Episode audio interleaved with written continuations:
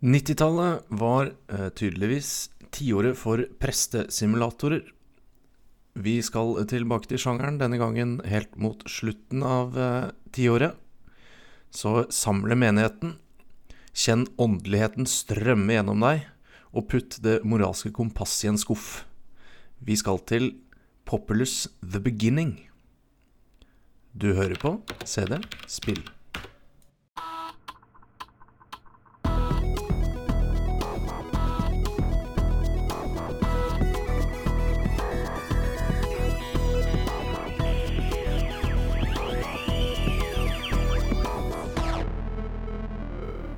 Sola skinner, det er fantastisk vær ute.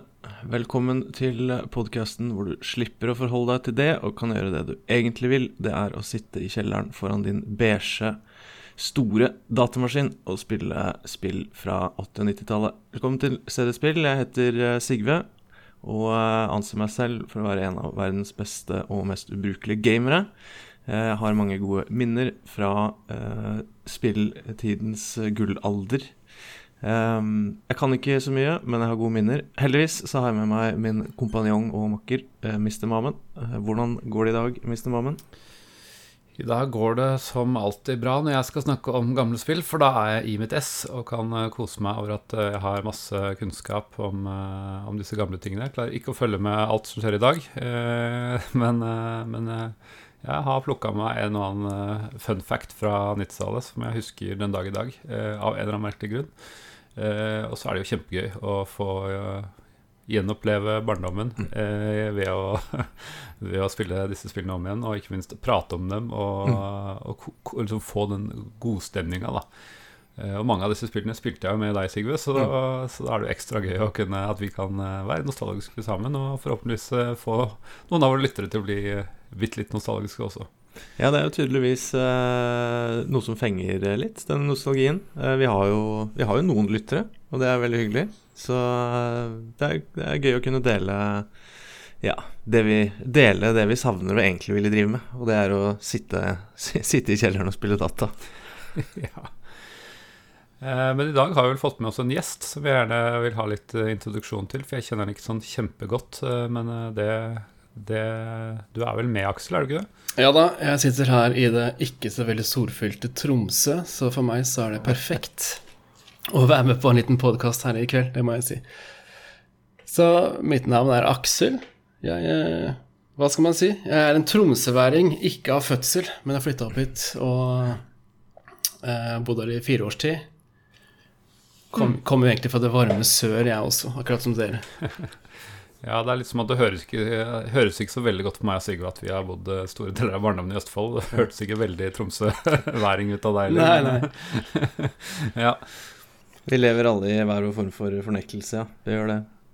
Men uh, det er jo ikke helt tilfeldig at du uh, er med oss her, uh, Aksel. for vi har jo Du er jo god kompis med en av våre tidligere gjester. Ja, han godeste Eirik Gjerløv, ja. Mm -hmm. Han eh, tipsa meg om at dere trengte en for å snakke litt om et spill jeg stadig spiller.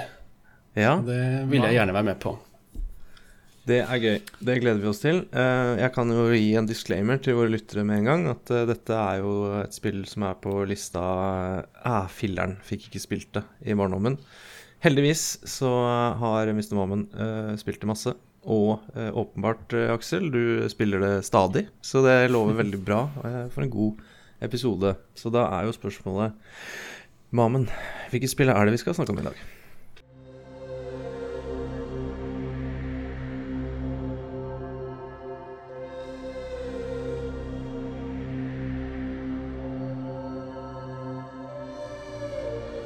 Jo, vi setter oss i DeLorean Time Machine og setter eh, den digitale klokka til 1998. Uh, og der er det Bullfrog var ennå i live. Uh, Electronic Arts var sånn midt på tre et selskap på den tiden. og det er Poplus The Beginning, som altså er det tredje spillet i Poplus-serien. vi har jo tidligere snakka om eneren og toeren, som definerte en hel Altså skapte en ny sjanger. Gude, gudesjangeren. Gudesimuleringssjangeren, kanskje. Det de har gått en litt ny retning i, i den tredje utgaven. Eh, hvor, de, du liksom har gjort det litt mer ut som en RTS, Real Time Strategy, med basebygging, eh, samle opp tropper. Eh, men du har ikke gitt helt slipp på den gudetingene, fordi du har en sjaman som kan gjøre sånne spells, en sånn helteenhet. Eh, som riktignok må være sånn i nærheten for å, for å gjøre det, men den har mye av de samme tingene som lyn og tornado og jordskjelv og sånne ting som du kunne i eh, de to foregående Poplus-spillene. Eh, kort fortalt så er det da om, om, å erobre Du har oppdrag hvor du skal erobre alle andre stammer eh, som har sine egne sjamaner. Det trenger ikke nødvendigvis bare være én, det kan være opptil tre andre fiender. Eh, og du ser Campaignen ser du gjennom et sånt solsystem, at du begynner liksom på ytterste planet, og så går du innover nærmere sola eh, i totalt 25 brett på, eh, på hovedspillet. Eh, med nye brett og nye utfordringer og vanskeligere. Og du får hele tiden nye spells og etter hvert litt nye bygninger og nye enheter. Så det er en progresjon som, eh, som er egentlig ganske ålreit. At du får noe nytt i stort sett hvert oppdrag. Selv om det tar litt tid å spille gjennom 25, så føler du liksom at det er noe nytt i mesteparten av den kampanjen. Og det er vel sånn Ja, det er vel et greit premiss. Eh, føler du at det var riktig beskrivelse, Aksel? Ja, absolutt. Det det er 25 brett, og det kan bli litt mange, egentlig, hvis man skal pumpe seg gjennom alle de 25 brettene. Men det er mye variasjon, som gjør at det er veldig artig spill.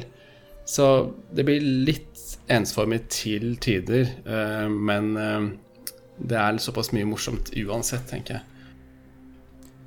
Det er en ting jeg tenkte på som er spillet her som jeg er veldig glad i. Du nevnte jo Populus 1 og Populus 2. Og jeg mm. kom jo inn i Populus 3, altså The Beginning, først. Jeg har bare så vidt testa ut de gamle spillene i etterkant, egentlig. Så for meg så er det liksom det her som er det, det ekte Populus-spillet. Um, mm. Og det er som du sier, så er du litt mindre sånn gudeorientert, siden du ikke er gud, du er sjamanen, ikke sant, som gjør uh, uh, som, som man styrer. Og det er egentlig en gjør at spillet er veldig mye mer uh, Hva skal man si? Man er mye mer i verdenen, syns jeg, i det spillet her, enn det jeg oppdager med de, de, de, tidligere spillene. Mm. Som er mye mer distansert, på en måte. For ikke snakke om grafikken og liksom gameplayen, da. Det kan vi jo komme inn på. Ja, nei, vi kan egentlig hoppe i gang. Jeg, jeg, vil jo bare si med en gang at jeg syns det er litt kult med det eh, Siden du er på en planet til planet, så er hele kartet er ikke sånn firkanta map som i Command Conquer, liksom. Det er det er en klode da, så du kan rotere rundt og, og gå alle, alle, veier rundt for å komme til eh, på andre siden. Det er, en liten klode. det er helt fantastisk kult. Altså, det er kanskje noe av det jeg liker best med det spillet her. Jeg husker det fra 1998, når jeg satt der på kontoret til min far på bondegården da jeg vokste opp, og spilte der på kvelden, liksom. Når man kommer inn i den tredimensjonale verdenen der sånn, så kan man spinne rundt hele globen og dukke opp på andre sida, der man starta som har liksom fullstendig oversikt over verden man spiller i, på en måte som bare Det bare blåste meg helt bort i forhold til alle andre sånne RTS-spill på den tida der. Det var en velfungerende 3D-grafikk. Mm.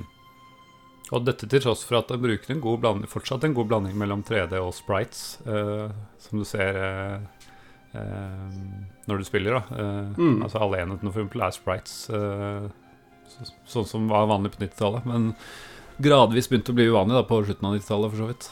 Ja, absolutt. Så de, de spritesa de funker jo veldig greit, men det er den tredimensjonale verdenen som gjør at man er så veldig inn, inne i spillet, på en måte. På en veldig artig måte. Mm.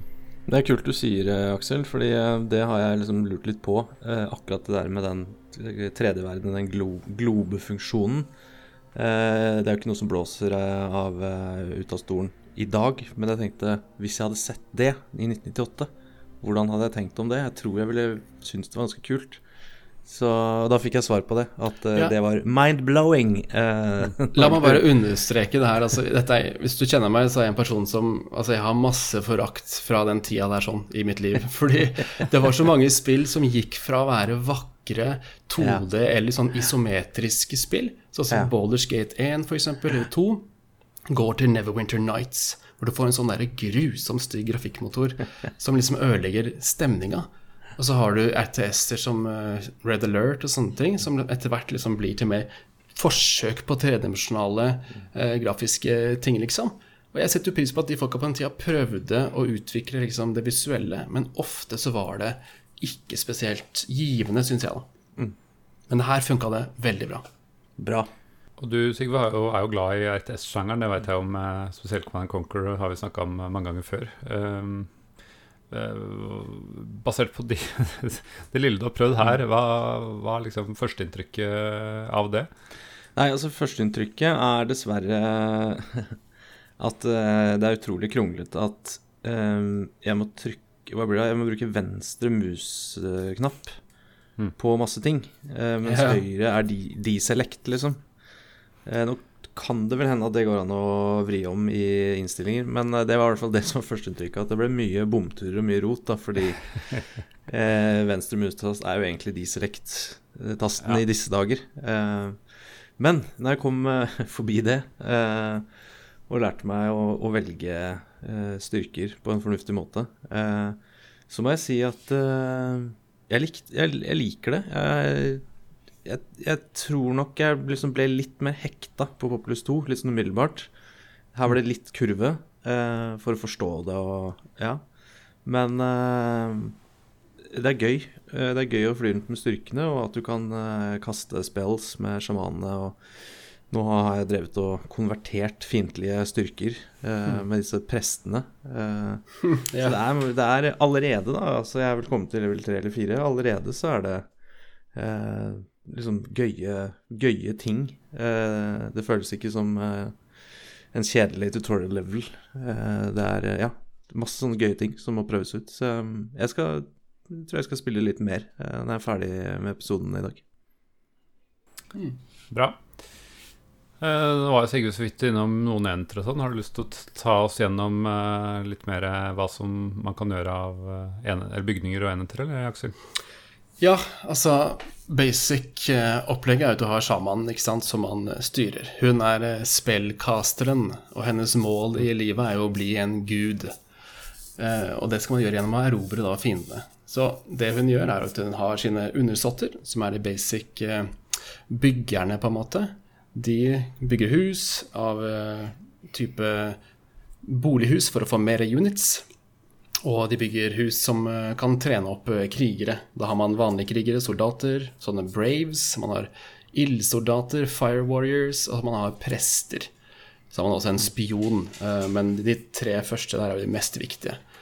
Så mens disse her soldatene slåss, en som er nærkamp, soldaten og en som er ranged, er jo da ildsoldaten, så driver presten og fucker opp helt egentlig i forhold til uh, fiendenes styrke, for han bare står og prater. Han sier sånn Haya! Og så bare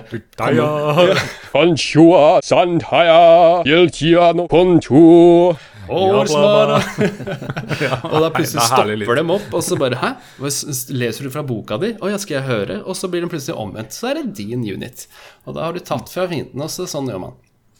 Så Det er ekstremt effektivt sånn skjold, at du bare setter fram noe sånt. Hvis noen kommer i nærheten, Uh, unntatt de som kan skyte, så er det liksom bare setter de seg ned, og de får ikke løsrevet seg fra den uh, preachinga. Fra, altså, det er Ja. en veldig irriterende ting når du blir brukt mot deg, og kan være ganske effektiv stopper. Utrolig irriterende når man bare løper fram, og så plutselig har man mista en hel hær fordi man ikke fulgte med på hva som skjedde. Så alltid ha med noen prester i ditt eget eh, lag, for de kan ikke bli omvendt. Uh, godt å følge med. Så prester er ofte brukt som en sånn eh, forsvarsunit å ha spredt rundt i basen og utafor basen sin. Sånn at de kan Men er det, er det noe limit på For det lurte jeg på. Eh, altså, er det noe limit på hvor mange Hva skal jeg si eh, Hvor mange mm, hver prest kan ha i sin menighet? Eh, nei, jeg tror jeg ikke. I hvert fall ikke som jeg vet om. Så det holder liksom egentlig da med én prest, og så kan du dure inn i en uh, Meli-gjeng, da, vil jeg merke. Uh, Ja. og så setter For det, jeg syns jo det var gøy. Ja, de setter seg faktisk ned på bakken og, og lytter til, uh, til prekenen. og så er det sånn én og én av de da, som blir konvertert, uh, sakte, men sikkert. Uh, så det er jo på grensen til en uh, Nesten sånn kan det være Imba, den uh, presteenheten. Eh, I hvert fall hvis fienden ikke har vett til å ja, bygge ranged eller eh, Eller mot, mot Altså komme med sjamanen, da. Og bruke spells.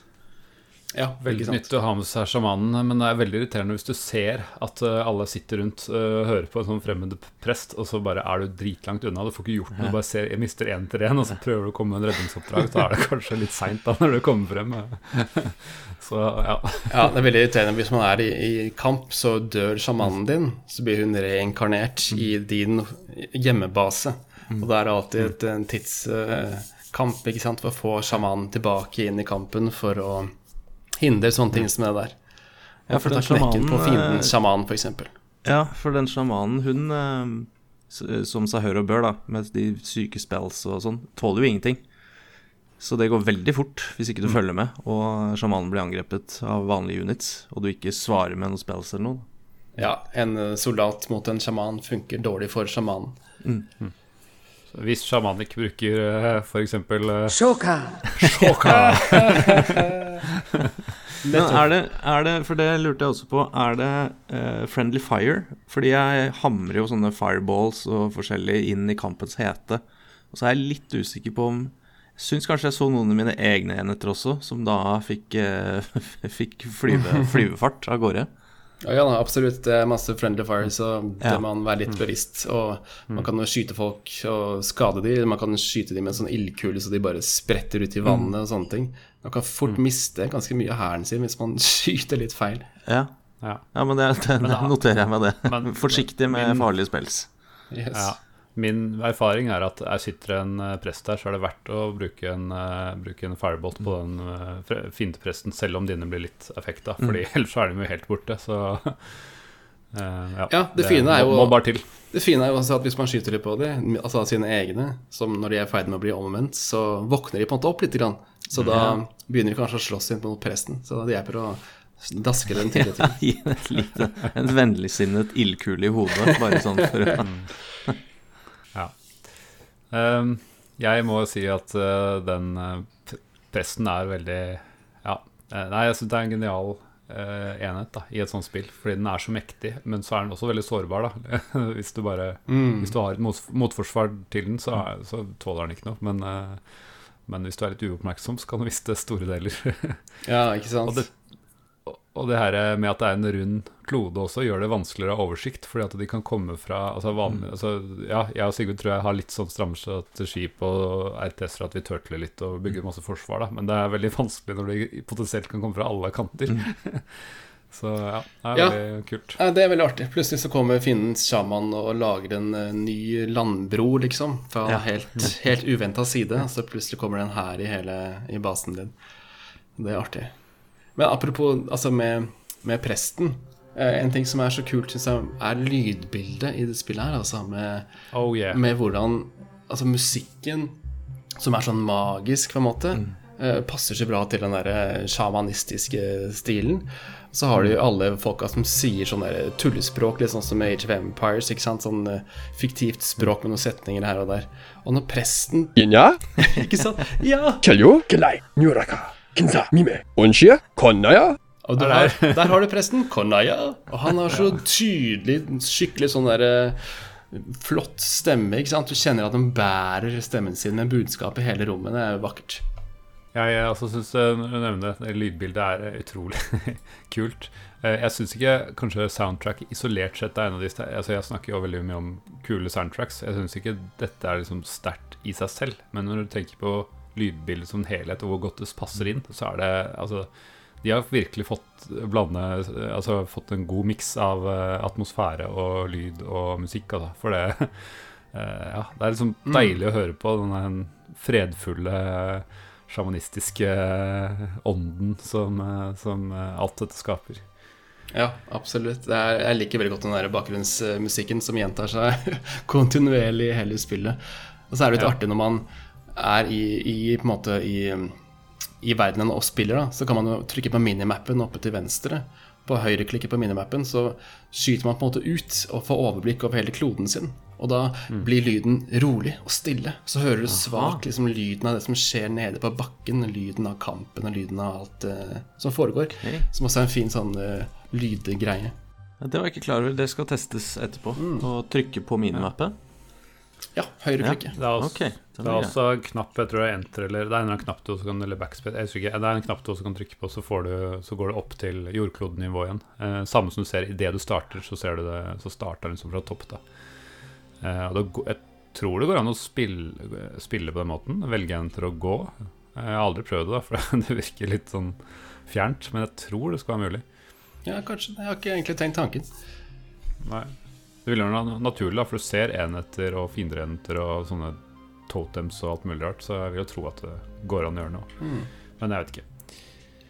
Og Dere er også inne på noe totems og sånn, ja. Det, har du opplevd det, eller, Sigve? Ja, jeg har, eh, jeg har eh, Konseptet har jeg skjønt, og så er det jo spennende å se eh, hvilke nye ting da, som jeg lærer der. Eh, for Mm. totems eh, Det er jo en stor totem og så en liten totem, eh, altså sånn generelt, da. Mm. Eh, og så får du Du får vel type spells da, ved å tilbe en totem lenge nok.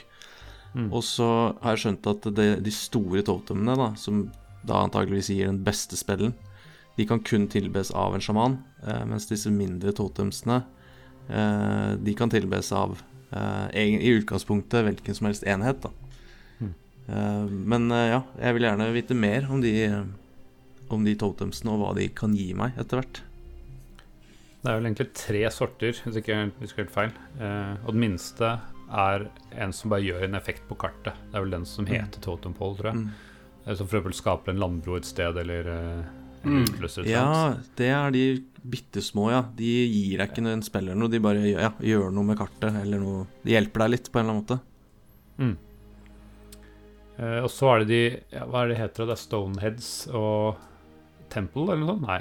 Nei, jeg husker ikke helt hva det heter. Jeg får rette meg, Aksel, hvis du husker. Jeg, jeg husker ikke helt men det er jo det der eh, Stonehead som ligner jo på sånne påskeøya-hoder Ja. som Ja. nikker fram og tilbake. Sant. De der større templene som bare sjaman kan bruke, de er jo sånn derre Shrine of the Secrets eller noe sånt. Mm. Og der eh, får du der får du permanent spill. Og de mindre som alle kan der, der får du midlertidig spill som du får, får brukt et visst antall Det er forskjellen, ja. Nettopp. Mm. Nettopp. Så kan vi jo snakke litt om det mana-systemet, da. Ehm, Ja. har du det friskt i minne, Aksel?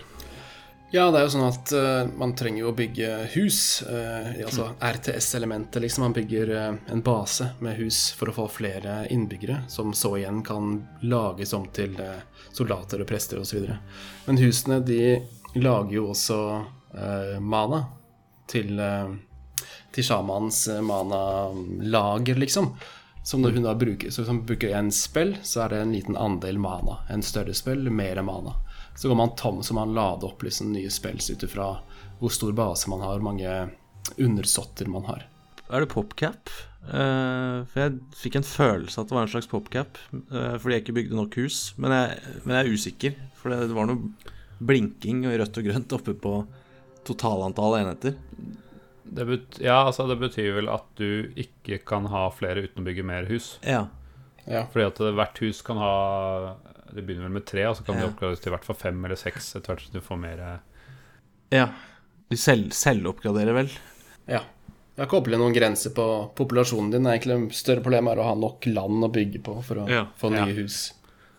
Ja, du kan i hvert fall opp til 100, det er jeg ganske sikker på, men om det er, om det er et limit, eller om du kan Nei, det husker jeg ikke.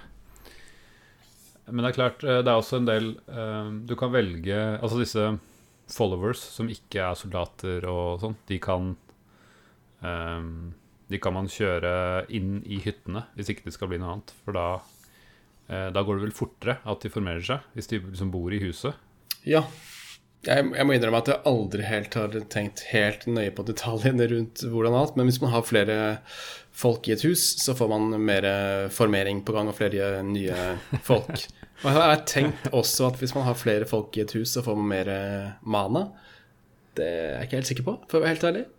Nei, jeg er litt usikker, ja. Men jeg, jeg vet jo at antall hus har Eller jeg vet ikke om det bare er sånn indirekte, at det er antall followers som avgjør hvor mye, mye mana man får, eller om det er antall hus, det, eller boplasser. Det skal jeg ikke si sikkert.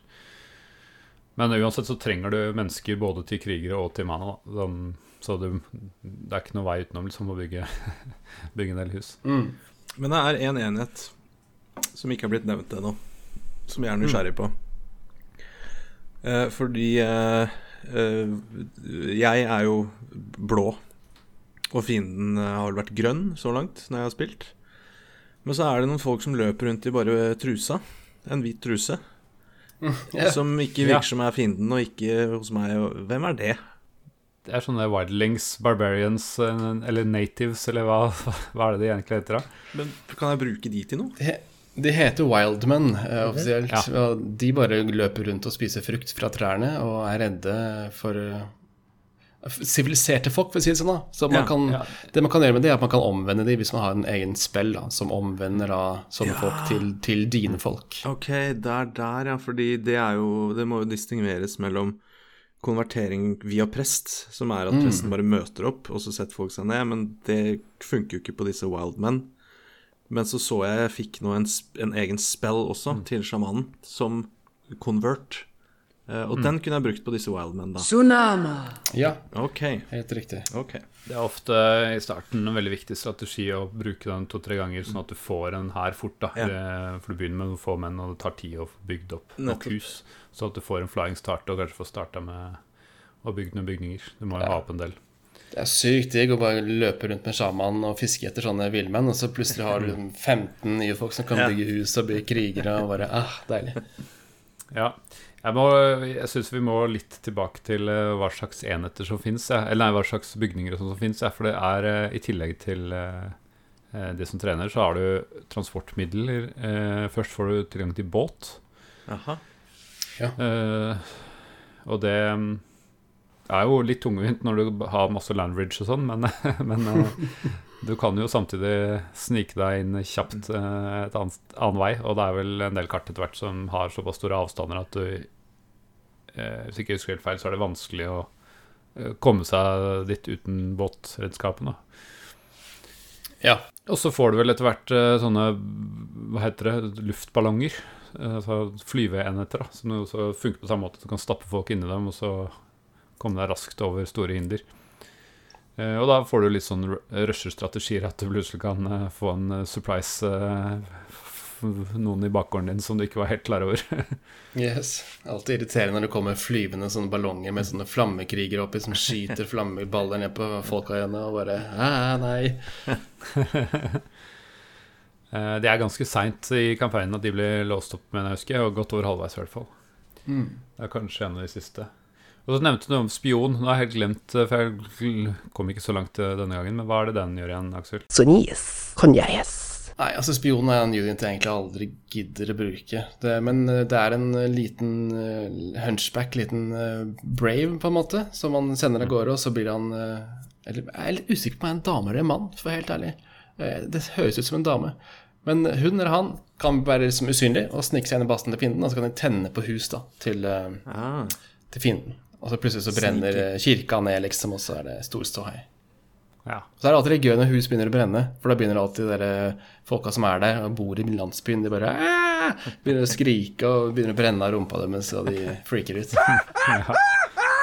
Men kan du, kan du slokke det, eller må du bare sette folk på repair duty, eller hvordan kontrer man det, liksom? Det er ingen slokkefunksjon, dessverre. Man må liksom vente på at det brenner ned. Ja, riktig. Altså brenner det visst Det slukker, slukker av seg selv etter eh, liksom, du bevisst skada Ja. hver Ja. fire, liksom. Skjønner. Og det er jo også en eh, Hvis du bruker lightning, da, fra, som er en av de spillene du får ganske tidlig, Shoka. så kan du bruke den på en bygning, og da blir den liksom ødelagt ett hakk. så du trenger litt mer ved og sånn for å reparere den. Veldig kjekt for å bare hemme fienden. Ta, Ja. Stoppe produksjonen av units. På en måte. Ja, spesielt på prestegreiene, så putter du en lightning på, på den Ja. som lager prester, så slipper du de i hvert fall et par minutter. Ikke sant? Ja, for du kan ikke utdanne prester hvis bygningen er skada. Da må du først Nei. reparere bygningen. Ja, nettopp. Og eh, apropos eh, bygninger og ressurser. Eh, jeg ser jo at Altså, det er jo ikke Man høster jo ikke ressurser sånn type eh, Age of Empires-style. Eh, men de går jo og hogger ved når du ber de bygge en bygning. Er det sånn å forstå at uh, hvis jeg har bygd, eh, blitt uh, megalomanisk konge og bygd 1000 hus, så kan jeg gå tom for ved, rett og slett? At altså, er det ikke trær, så er det ikke trær. Da får jeg ikke bygd mer. Absolutt. Det er Ja. ofte et stort problem at det ikke vokser nok trær. Men det, det vokser jo ofte opp nye trær, da, hvis ikke Ja, så de re kan bakken har Ja, det kommer nye trær. Men hvis man på en måte har Sånn som eh, romerne gjorde i Kartago, at de brant og salta bakken Ja. til de stakkars folka. Så når man erobra et sted, så er det ofte sånn død bakke. Så kan man ikke lenger ha trær der. Ja, for det så jeg mista et bygg fordi jeg fulgte ikke ordentlig med. Og da skjønte jeg at den bakken var død, så jeg fikk ikke lov å bygge noe mer der. På den, den biten av, av bakken. da. Så trær trenger man mye av, og nye trær. Det er litt kult, fordi du ser når du, når du hugger trær, så blir de liksom litt mindre. da Eh, Og hvis du bare venter, så blir de større igjen. Altså det Ja. vokser da det, er- det, er sånn der, det er på en måte en ressurs, fornybar ressurs som du kan velge å prøve å være varsom med. Det kommer du ikke til å klare, men du kan, kan i hvert fall late som du er det. Ja. Så jeg, jeg syns det er litt kult. Um, skal vi snakke litt om de ulike spelsene? Eller det er en del kule Ja, vi har snakka om Firebolt. Uh, jeg har forstått lydeffektene her. Det er, litt, det er så kule lydeffekter. Ja. med her. Taka. Det er den Bolt, jeg er en av de første du får. Og så har du den landbro. Den er sånn. Tuscazzi. Tuscazzi. Det er sånn der, det er så morsomt språk. Det sitter i hjertet mitt, altså, den lyden her. Altså.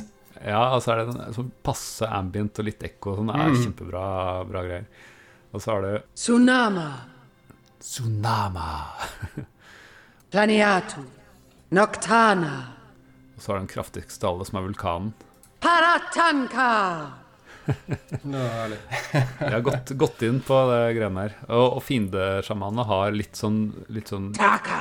hva skal jeg si, ondere versjon av, av de samme Altså, du hører det, de sier de samme ordene, men de, de har på en måte gjort om litt, da. Så det er litt kult. Ja, Kul det, er, det er kult. Paratanga. Ja, kan jeg spørre, hva er din yndlingsspill? Uh, du har så klart noen som er veldig kraftige og gode, og noen som er mye mer tilgjengelige, liksom. Men eh, overall, hvilken er din favoritt? Eh, altså Nå rakk jeg ikke å spille gjennom alt nå, da, så jeg fikk liksom ikke prøvd alle. Men jeg, jeg, av de litt tidlige så er det definitivt uh, Lightning, for den er veldig effektiv. Den kan drepe sjamanen på et forsøk, og den kan liksom hemme bygningene og sånn. Eh, og så er det selvfølgelig de nyttige tingene, da, sånn som flat. Husker jeg er ekstremt nyttig å bare få så du får plass til å bygge på, utvide. Sånn flat-spill som du får litt, litt uti. Planiatu. Eh, Så mener jeg husker at den der eh, vulkanen er dritkul, men eh, jeg fikk ikke prøvd den nå, for jeg rakk ikke å spille så langt. Ja. Du har litt mer ferskt i minnet, sikkert, så du har, husker litt flere spills, kanskje? Ja, altså, jeg er helt enig i at Lyna er den kuleste, for den er lett tilgjengelig. Den er, trenger ikke så mye mana, på en måte. Trenger litt, men når man har en del hus, så går det veldig fort. Så det er bare å skyte lyn og bare ta knekken på prester og ta knekken på sjamanen. Få ny mana, for du tar du knekken på sjamanen til fienden, så får du hennes mana. Ah, Sykt bra. Okay. Så da bruker du mana på Taho, og så får du mana tilbake. Og så bare bang, bang, bang, så begynner det å brenne i fiendens base, og alt er fælt for de og godt for deg. Så det er på en måte min favoritt, tror jeg. Mens det er jo, det er jo en glede i å bruke vulkanen, som er eh, en enorm Altså, hvordan terrenget fungerer, ikke sant. Du manipulerer jo terrenget, akkurat som man gjorde i gamle Populus 1 og 2. Eh, Så når vulkanen kommer opp, så blir det jo en svært fjell ikke sant, midt i fiendens base. Og ikke bare går det opp, sånn at alle hus på en måte sprenger som er i nærheten, men det renner også lava ned, som gjør at ting og folk begynner å brenne. Så det er jo en fantastisk eh, sak. Men den du nevnte, den flat, det er også innmari kult med hvordan en spill som på en måte er laget for å kanskje kunne bygge eh, nye hus i sin egen base hvis det er masse ulendt terreng, også kan brukes mot fiendens hus hvis eh, det er ulik høyde da, på ting i landsbyen. Så tar du bare og flater ut, sånn at huset kanskje har en perle et sted og en annen perle i en annen høyde plutselig, så at de bare sprenger og sånn. Også veldig artig. Man kan liksom være litt kreativ i bruken av den terrengmanipulasjonen. da. Du kan bruke den derre uh, Landbridge, eller hva den heter, eh, til, til det samme. Ja. Fra hvis, du, hvis, hvis den har en høyt fjell bak, da, så kan du si at mellom her skal du lage en bro, og da uh, Hvis den bygningen står sånn akkurat midt på, da, så blir den sprengt fordi det blir for ulendt terreng. Men uh, det er ikke alltid det funker, så det hender at den bare At den bare Ja. blir stående midt i og, og utjevner seg. Men eh, Det hender at husa blir dratt på en veldig morsomt grafisk vis, at de bare Og så blir det stabilisert. ja, det er jo polygoner her, så det er litt morsomme, morsomme Ja. effekter i der. Men eh, ja, det er litt sånn papirhusfølelse når, de, når du ser de tingene der. Men eh, nei, det er ikke så verst. Jeg har lyst til å, å nevne eh, jeg, vil, jeg, jeg tror kanskje jeg kommer til å synes at det er den kuleste spillen, i hvert fall. Eh, også når jeg kommer lenger og får oppleve disse badass-spillene. Men eh, bie... Eller vepssvermen, den syns mm. Jeg syns den er kul. Det er kanskje ikke den beste, men en utrolig kul spill. Hvor du base, det er det, da. Det er rett og slett en sverm med veps som gjør at alle begynner å skrike og løpe i alle mulige retninger. Eh, og den, den syns jeg er ganske kul. Den Jeg er er, usikker på om den funker Om den faktisk ikke går friendly fire. For jeg trodde at den var, måtte jeg se litt opp for, men så syns jeg liksom at, eh, jeg, at mine ikke ble påvirka av uh, de jeg satte ut. Men det kan ha vært litt tilfeldig. Jeg vet ikke helt. Nei, det er, det er helt riktig. Det er ikke friendly fire på den. Og det er det som gjør at den er så sinnssykt bra når fienden kommer med prestene for å ta og konvertere dine folk. Da er det bare å gasse på med masse vepser, vesper, og så løper alle de og gjemmer seg, mens dine folk tar det helt rolig. Så den Det er eh, veldig fin. hvorfor jeg jeg turte liksom ikke å bruke den, for jeg trodde at å, det, det går utover meg også. Men så var det først jeg liksom tilfeldigvis merka at det var hei. Så da hadde jeg nok brukt den mer hvis jeg hadde vært klar over de tingene. Ja, den er god, den, altså. Det er det samme å ha eh, Hvis det er, har flere tårn så, altså Lightning funker hvis det er ett tårn, men hvis det er flere, så kan du ha litt flaks og få den til å jage ut alle folka som står rundt et tårn. Mm. Det er jo også en ting etter hvert som du unlocker mange spill, så tenker du at du blir mer og mer mektig, men du må også balansere den mana-oppladningskraften din på en mye mer eh, Altså du må tenke litt mer gjennom hvilken spills du vil ha klar snart, da. For jo flere du liksom enabler, jo saktere tar du å få en eneste eh, en av dem. Så eksempel eh, Firebolt går ganske raskt å ta, da. Så hvis du vil ha den i starten, så enabler du den, og så, du så får du fort den tilbake da, hvis du har brukt den. Men hvis du begynner å få mange og bare har noen få followers, så vil, ta, vil du ikke liksom få en eneste spill da, før, før du er kverka, hvis du prøver å, Ja. prøve lade på alt samtidig. Det er en ganske kul sånn eh, gameplay-mekanikk, at du kan velge da hvilken spill du skal ha. At du slipper å måtte ha alle gående hele tiden. Du kan fokusere på det du ønsker deg, liksom. Har du spilt dette i noen multiplayer, eller har du bare spilt det mot uh, computer? Jeg har aldri spilt det i multiplayer. Uh, har du, egentlig? Nei, jeg tror ikke jeg har gjort det, men det er et spill jeg som virkelig skulle kunne tenke meg litt Da, Prøvd uh, og spilt mot uh, noen andre. For det er jo, det er jo kult å liksom bare prøve litt.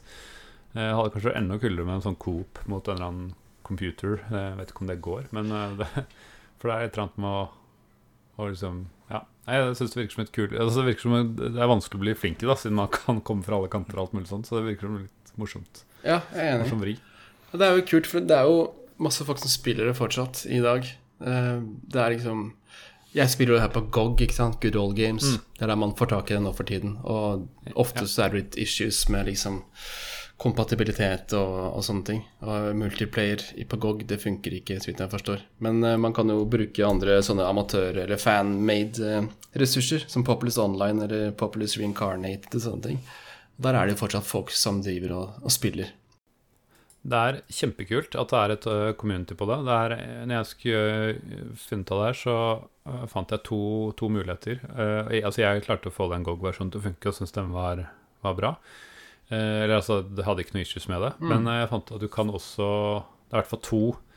Den eh, Populous Reincarnated, som er en sånn hub for, for community som lager det her, da, har i hvert fall lagd to ulike versjoner. Og det er en sånn enhanced edition, versjon 1.5 som eh, er en patch som er mest beregna på sånn multiplayer-spill.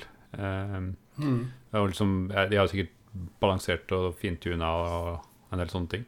Og så har den andre varianten som heter Multiverse. Um, en sånn multiverse launcher som har gått mer i retning modding, da, for du kan ha masse forskjellige verdener og nye verdener med nye brett og, og sånne ting. Som eh, Altså Begge funker helt fint å spille single player, men de har litt annen fremtoning på hva som er viktig. da Så det er litt rart at de ikke klarer å bli enige. Det er ikke, at de ikke bare kunne lagd én ting, men eh, det er sikkert Jeg prøvde å spørre litt på sånn, eh, sånn Discord-server, og det var visst eh, Ja. eh, ja jeg, skjønner, jeg skjønner tankegangen, da, at man orker ikke å dele all mulig kildekode med alle andre. Man vil bare komme i gang med det man, man vil, og så Ja. man uplo- opp, laste det opp der, der man har rettigheter. Så får man leve med at det er litt sånn fractured.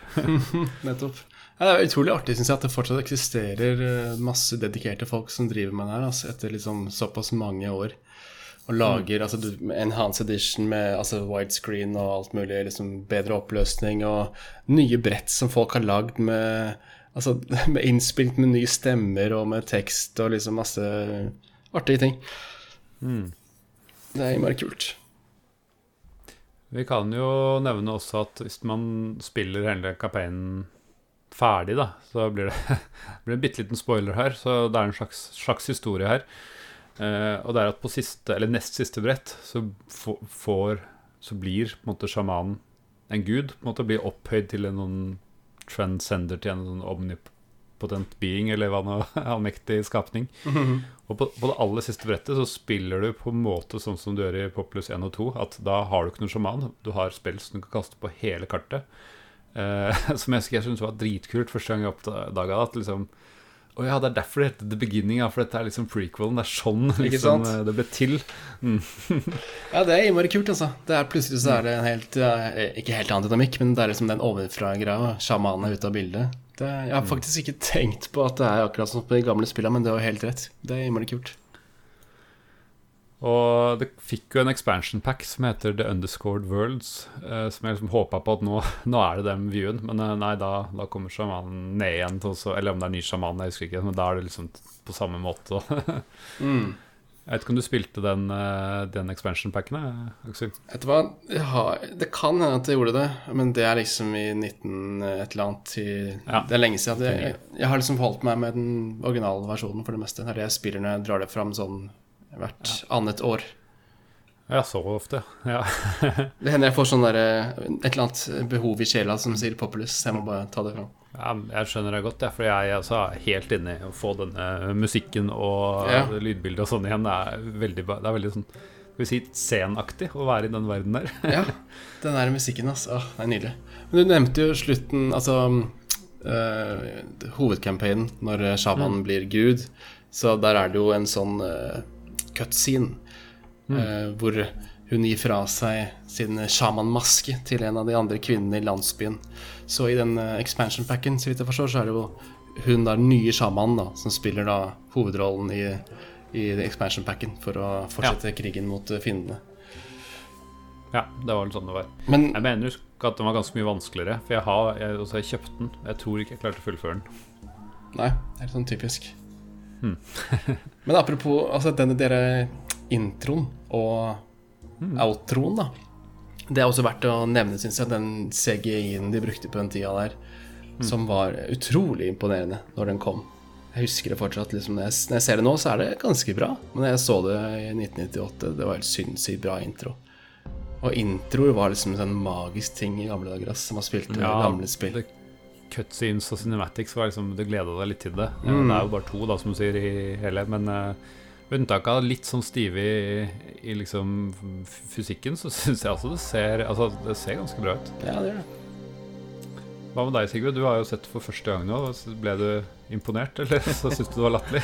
Nei, altså jeg, jeg tenker jo Når jeg ser, eh, ser den 3D-renderen i, eh, i introen, eh, så får jeg jo godfølelsen.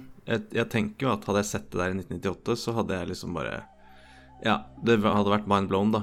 Eh, Jeg greier ikke å se forskjell på dette og virkeligheten, liksom. Eh, Så jeg, jeg syns, det har gjort en det er jo liksom vanskelig å tenke tilbake, liksom, for det er jo fryktelig rask eh, utvikling fra altså bare fra f.eks. 97 til 98 på sånne ting på den tiden. Så om det er bra for tiden det var i, det vet jeg ikke. Men eh, jeg syns det, ser- jeg synes det ser dritbra ut, jeg. Ja. Og bra stemmeskuespill og bra lydbilde og Så eh, absolutt en eh, intro jeg eh, skulle ønske at jeg hadde gode, gode minner fra i barndommen. Ja. Det er litt rart at ikke vi har eh, Altså, vi var jo gode venner i 1998, så hvorfor dette liksom har glippet imellom eh, Det er litt rart. Om det var eh, Om det var eh, et eller annet eh, tilfeldigheter som gjorde at vi ikke utvikla akkurat det. Ja, jeg, jeg også grubler litt, fordi eh, jeg tror Jeg tror jeg husker at du viste meg Populus 2, tror jeg.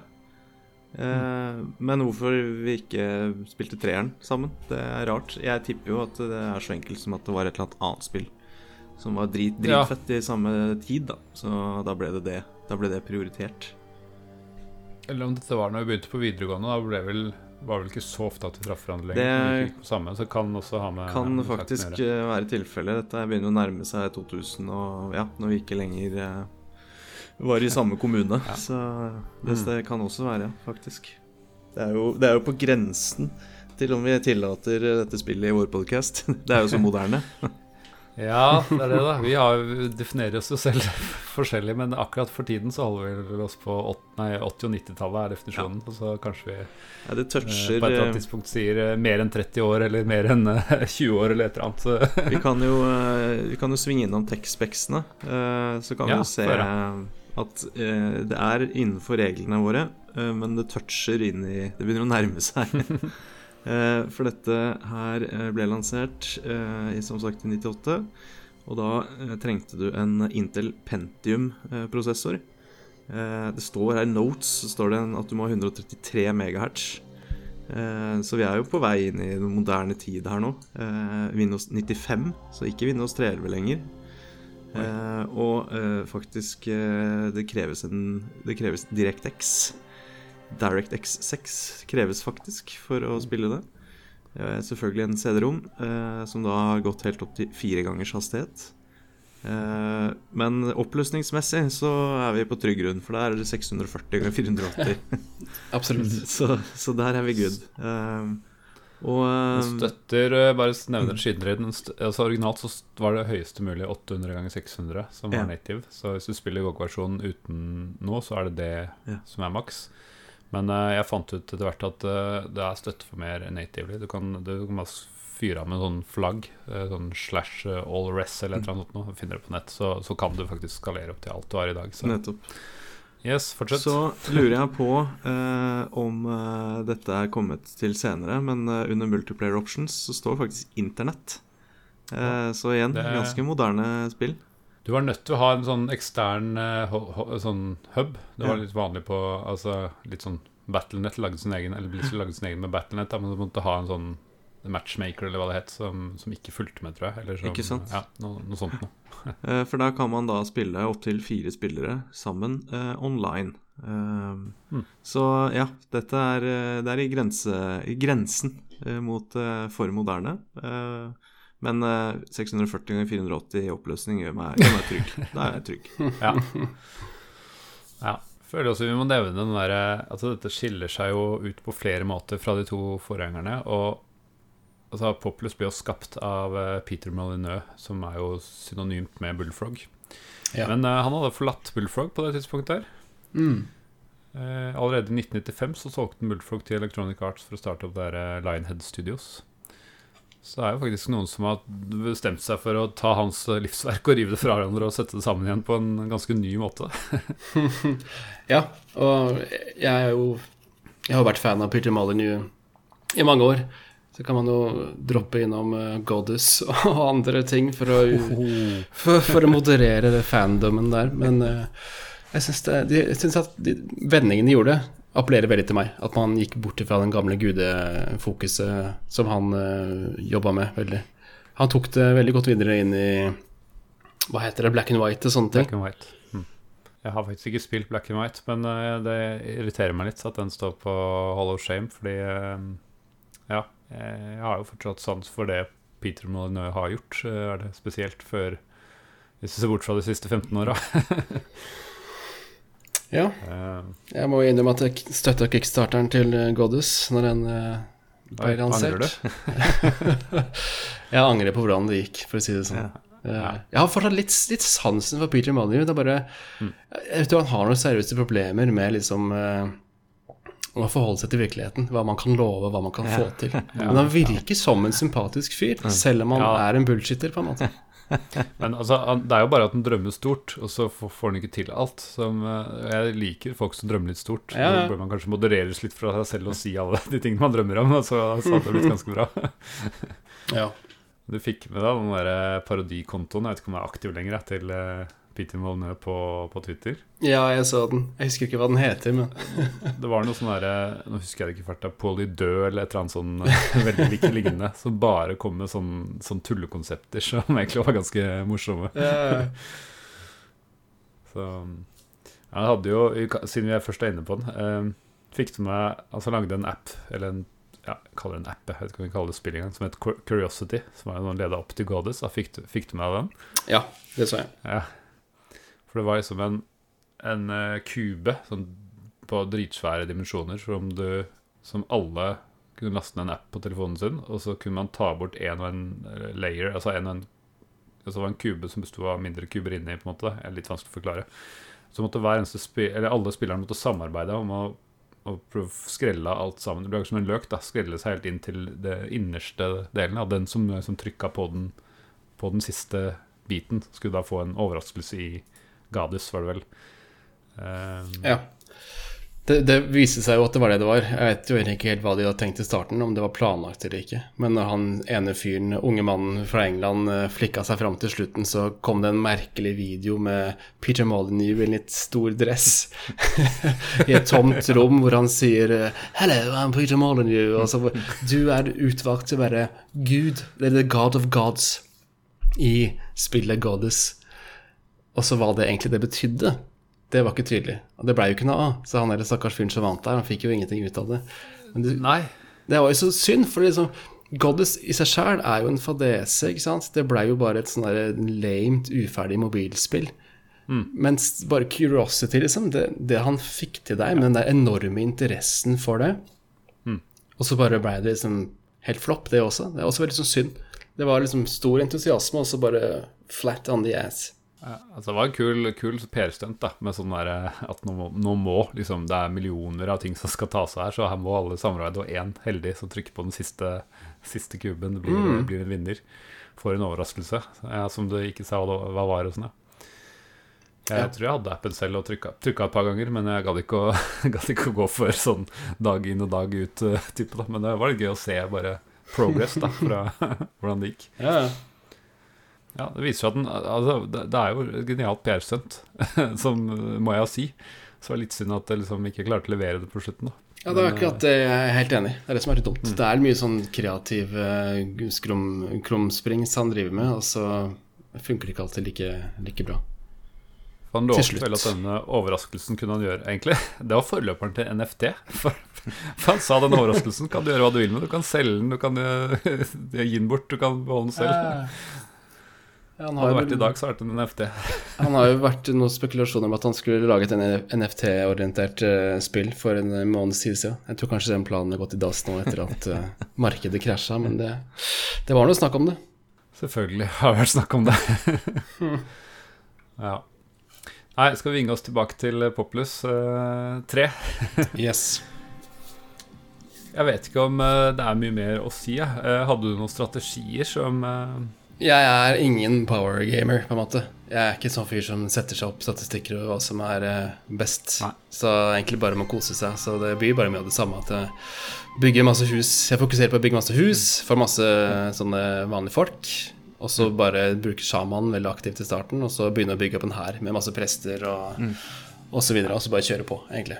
Jeg noterer. Jeg noterer. Det er sånn jeg også gjør. Jeg så gjennom noen sånne speedruns bare for å se, og ikke overraskende så var alle, alle brettene tok en sånn ett-to minutt. Og strategien var egentlig det samme, å bare skynde deg, få followers, eh, sånn native followers som ikke er trent, og så tar du fiendebasene før de får tid til å bygge seg opp. Eh, fordi da spiller det ikke noen rolle at du ikke har soldater når ikke fienden har fått Mm. soldater ennå ellers. Så, Ikke sant? så, men, Så eh, litt sånn er peasant sånn- rush, nesten. Ja, Mm. egentlig. Eh, og det Jeg skjønner at speedrunning så er det måten å gjøre det på, men uh, jeg, jeg merka at jeg hadde ikke lyst til å gjøre det, selv om jeg visste at det var en mulighet, Fordi det er ikke det som er gøy. Det er liksom Du skal dominere litt og få litt føle deg litt powerful. Enig. Ja.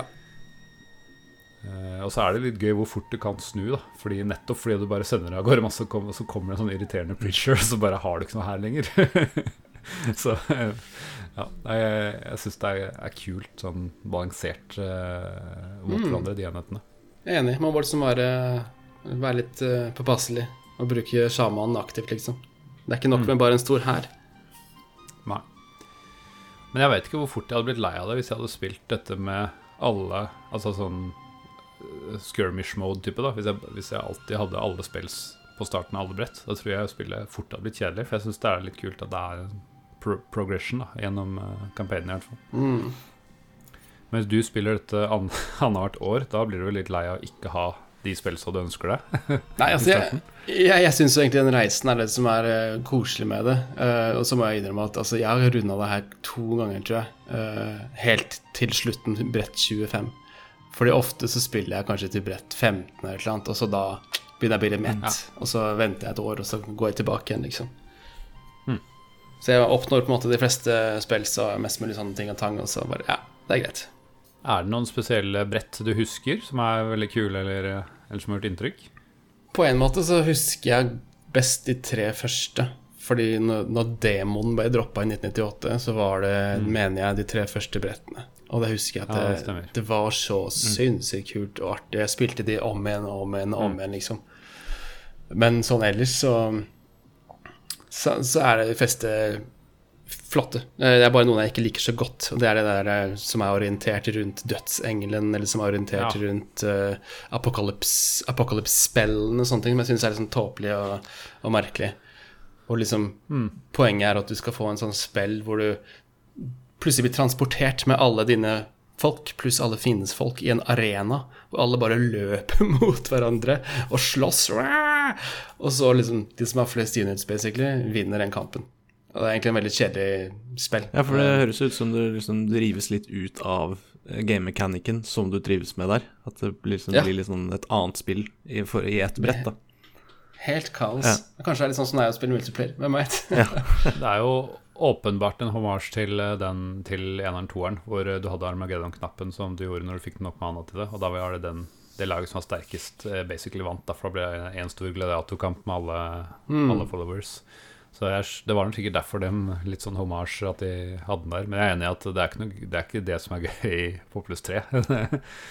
Der eh, er det vanlig. Jeg syns de oppdragene som Altså Vanligvis i RTS-campaign syns jeg det er spennende med noen hvor det ikke er det samme formen å bygge base, altså som er et eller annet seg rundt med Commando eller Tanja eller et eller annet. Men her Mm. syns jeg, synes jeg de er de svakeste. De det plutselig er noe timer på og noe greier. Ja, helt, helt enig. Altså, det er jo betydelig tid da, mellom Populus 2 og Populus eh, 3. Er det 1991 og 1998 eller et eller annet? Ja. Så, så det er ikke så rart. Men er, når du ser liksom forskjellen Populus 1 og Populus 2 er veldig like, ikke sant? Det er veldig enkelt uh, ovenifra og ned. Veldig lite utsnitt som du kan følge med på hva som skjer i verdenen, liksom. Så Populus 3 er bare en sinnssykt mye mer immersive uh, opplevelse, da. Som bare hopper fra jernalderen liksom fram til moderne tid. Så Populous 3 er jo et moderne spill, på en måte som ikke de to første er i det hele tatt. Uh, nei, altså i forhold til gudesjangeren, bare, liksom, så er det interessant, synes jeg, bare at det her heter jo Populous The Beginning, og så var det jo på en måte ikke noen god videreføring av Det var ikke noe god reboot av gudesjangeren, egentlig. Den gikk jo bedre med Peter Molyneux med Black and White og, og sånn litt senere. Men jeg syns spillet står veldig fint som en sånn hybrid mellom RTS og, og gudesjangeren. Mm. det er jo veldig pussig valg, egentlig, å gå bort fra det de har etablert i eneren toeren. Um, og jeg leste også at det var sånn mix, mixed reviews, og det ble jo ikke noe Det var sikkert ment som en re reboot, ja, men det ble jo ikke noe Dette er jo det foreløpig siste spillet i serien. Men um, ja, med IF personlig så syns jeg jo det var um, funka fint. Men da høres det ut som vi er på vei til å hoppe inn i Har det holdt seg?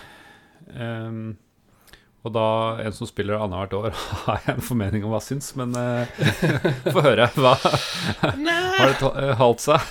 Vil du anbefale det? Ja, det er klart, klart syns jeg at det har holdt seg veldig bra. Det er jo allerede innrømmet, på en måte. Men um, jeg syns at det er fortsatt veldig imponerende med den 3D-verdenen, hvor man spinner rundt i globen, man går ut og inn liksom veldig sånn sømløst.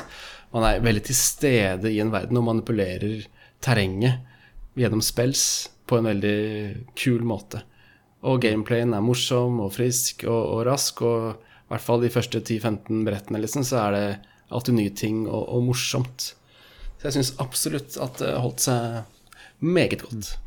Og du vil anbefale det til noen som eh, ikke har spilt det før? Som, som liker litt gamle spill, da, vil jeg merke. Ja, hvis man har en, eh, en sjel, så anbefaler jeg det absolutt. ja. så det er litt vanskelig, som Sigvind nevnte i stad, det her med at man må venne seg til høyre og venstre museknapp er litt annerledes enn det som er eh, moderne, men eh, det går eh, fort. Ja. Jeg kan jo bare slenge meg på den, og jeg, jeg er enig. Jeg anbefalte jo også Sigve at dette må du ta en titt på før, før episoden. For eh, jeg husker det som kult. Eh, Jeg syns også det var kult når jeg prøvde igjen nå. Jeg kom vel bare til sånn brett 10 eller et eller annet, men eh, men eh, jeg hadde, det, var, det var jo egentlig bare fordi jeg ikke hadde tid til å spille mer, ikke fordi at jeg ble lei. Så jeg skulle gjerne, skulle gjerne utsatt en uke eller to til, så hadde jeg kommet enda lenger. For eh, det her var eh, knall, og jeg syntes også det var litt tungvint. Men jeg følte at eh, altså, jeg hele tiden ble underholdt. da og, og hvis man skal ha mer, som sagt, så har du Multiverse Launcher, hvor du kan få helt nye brett og helt nye verdener med til og med helt nye spells og mods og mye rart. Så det er en, mange muligheter her, og ikke minst det fins et eh, multiplayer community eh, der ute òg, hvis, man- hvis man har lyst til å utfordre seg på den, eh, det aspektet. Så helt klart, jeg anbefaler både gamle gamle travere å komme tilbake til det, og absolutt at noen eh, ja, ja, jeg tester jo disse spillene ofte på sønnen min, og han også syntes det var kult. Selv om han syntes det var litt vanskelig da, eh, med samme kontroller og sånt, så han fikk det ikke helt til. Men han syntes liksom konseptet var kult. Så ja, kult. Hvor gammel er sønnen din? han er ni år, så Ok, Da skal jeg ta det fram til min datter når hun blir ni år. ja, det syns jeg. Han har allerede spilt litt gamle sånn remaster-versjoner av gamle RTS sånn Command Conquer og sånn, så det, det, det klarer han bra. Men Ja, eh, kult. var, ja, jeg, jeg skjønner at han syntes det var litt vanskelig å styre. Og, og, og, sånn, selv om det er drag select, så er det litt vanskelig å velge enter. Og du kan så klikke liksom i interface på hvor mange du vil ha. Sånn, trykke tre ganger på, på soldater, så velger du dem. og sånt, Så det, det fins mange muligheter. Men eh, ja, det kunne vært en forbedring, det skal jeg innrømme. Sånn som de fleste spillere snakker om. Men uh, totalt sett en varm anbefaling fra meg. Ja, da er det bare meg igjen, da. Ja, Uh, og jeg har jo uh, stort sett ekstremt lav terskel for uh, manglende quality of life eh, i gamle spill, som gjør at det er veldig Det er ikke alltid jeg egentlig anbefaler spillet, fordi det er knotete. Men eh, på pluss tre, eller på pluss til beginning, eh, små tingene som er, altså dette med mus, mus-tastene er omvendt og litt sånn, eh, det venner man seg fort til. eh, Og det man har da, er et veldig spillbart, smooth, kult spill med gøye ting som man plukker opp for hvert nye mission. Så som sagt, jeg skal fortsette etter denne episoden og spille litt videre. Og jeg anbefaler det til både nostalgikere og, og andre. Eh, Det er en, gøy RTS som absolutt er spillbar den dag i dag og bør prøves. så bra. Enstemmig og ikke noe ambivalent eller noe som helst. Det, det er jo Herlig. Det er ikke verst. Herlig, ja. Helt til slutt så lurer jeg på om det er noen som vet om noen andre spill som har kommet eh, på, hva skal si, på denne siden av millenniumsskiftet, som, eh, som liksom tilsvarer litt? Som, som man får den samme stemningen av? Er det noen som har noen tips? Nei, egentlig ikke.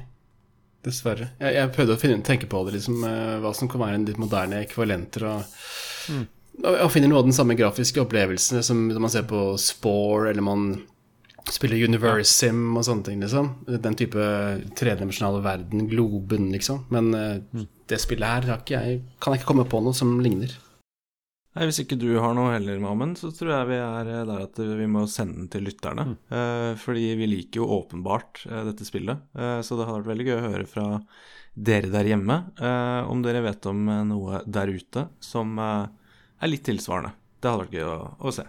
Ja, jeg vil gjerne høre hvis det er noe. Men ellers er det vel kanskje eh, desto større grunn til å prøve denne, denne klassikeren, siden det ikke fins noe særlig moderne.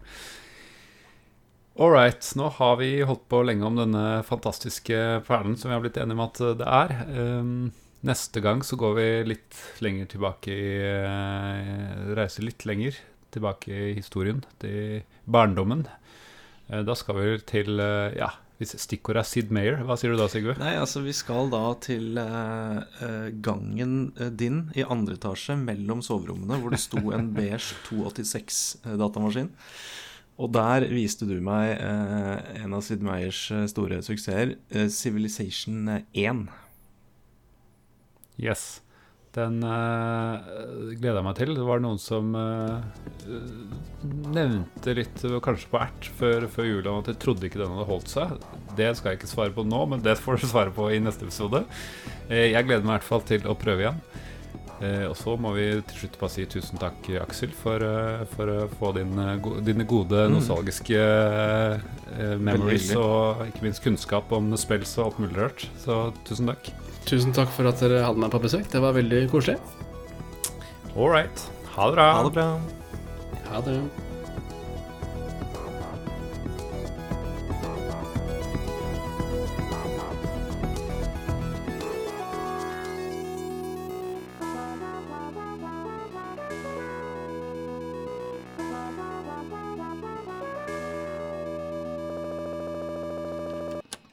Tumaga. Setanko.